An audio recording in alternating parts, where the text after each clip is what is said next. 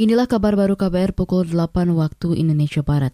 Kejaksaan Agung menyebut dugaan tindak pidana korupsi di PT Asabri terjadi sejak 2012 yang jajaran direksi dengan pihak swasta. Menurut juri bicara Kejagung Leonard Ebenezer Simanjuntak, tersangka bekas Direktur Utama Asabri Adam Damiri berkolusi dengan pihak swasta Beni Cokro Saputro untuk mengatur dan mengendalikan investasi di perusahaan milik negara itu. Beni juga merupakan terdakwa kasus korupsi PT Asuransi Jiwasraya.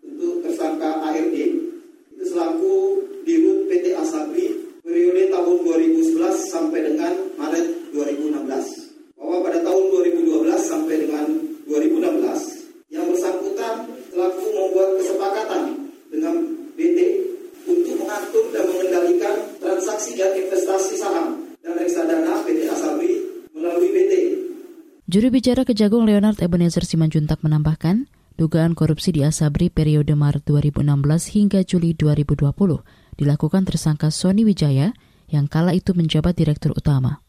Sony diduga membuat kesepakatan dengan Heru Hidayat yang juga terdakwa di kasus Jiwasraya.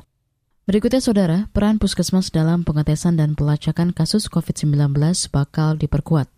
Menteri Kesehatan Budi Gunadi Sadikin mengklaim tengah mengupayakan hal itu, salah satunya melalui perbaikan sejumlah aturan.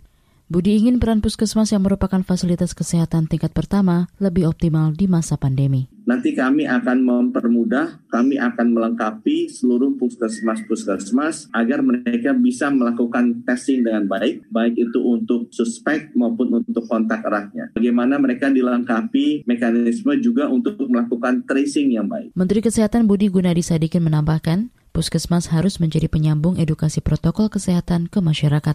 Budi juga ingin puskesmas mengawasi warga yang tengah menjalani isolasi mandiri. Beralih ke berita olahraga, Presiden Badan Sepak Bola Dunia FIFA, Gianni Infantino, menyatakan pemain sepak bola seharusnya tidak dianggap kelompok prioritas penerima vaksin COVID-19. Ini menyusul sejumlah negara telah memulai vaksinasi kepada atlet sepak bola sebelum Olimpiade Tokyo yang digelar Juli mendatang.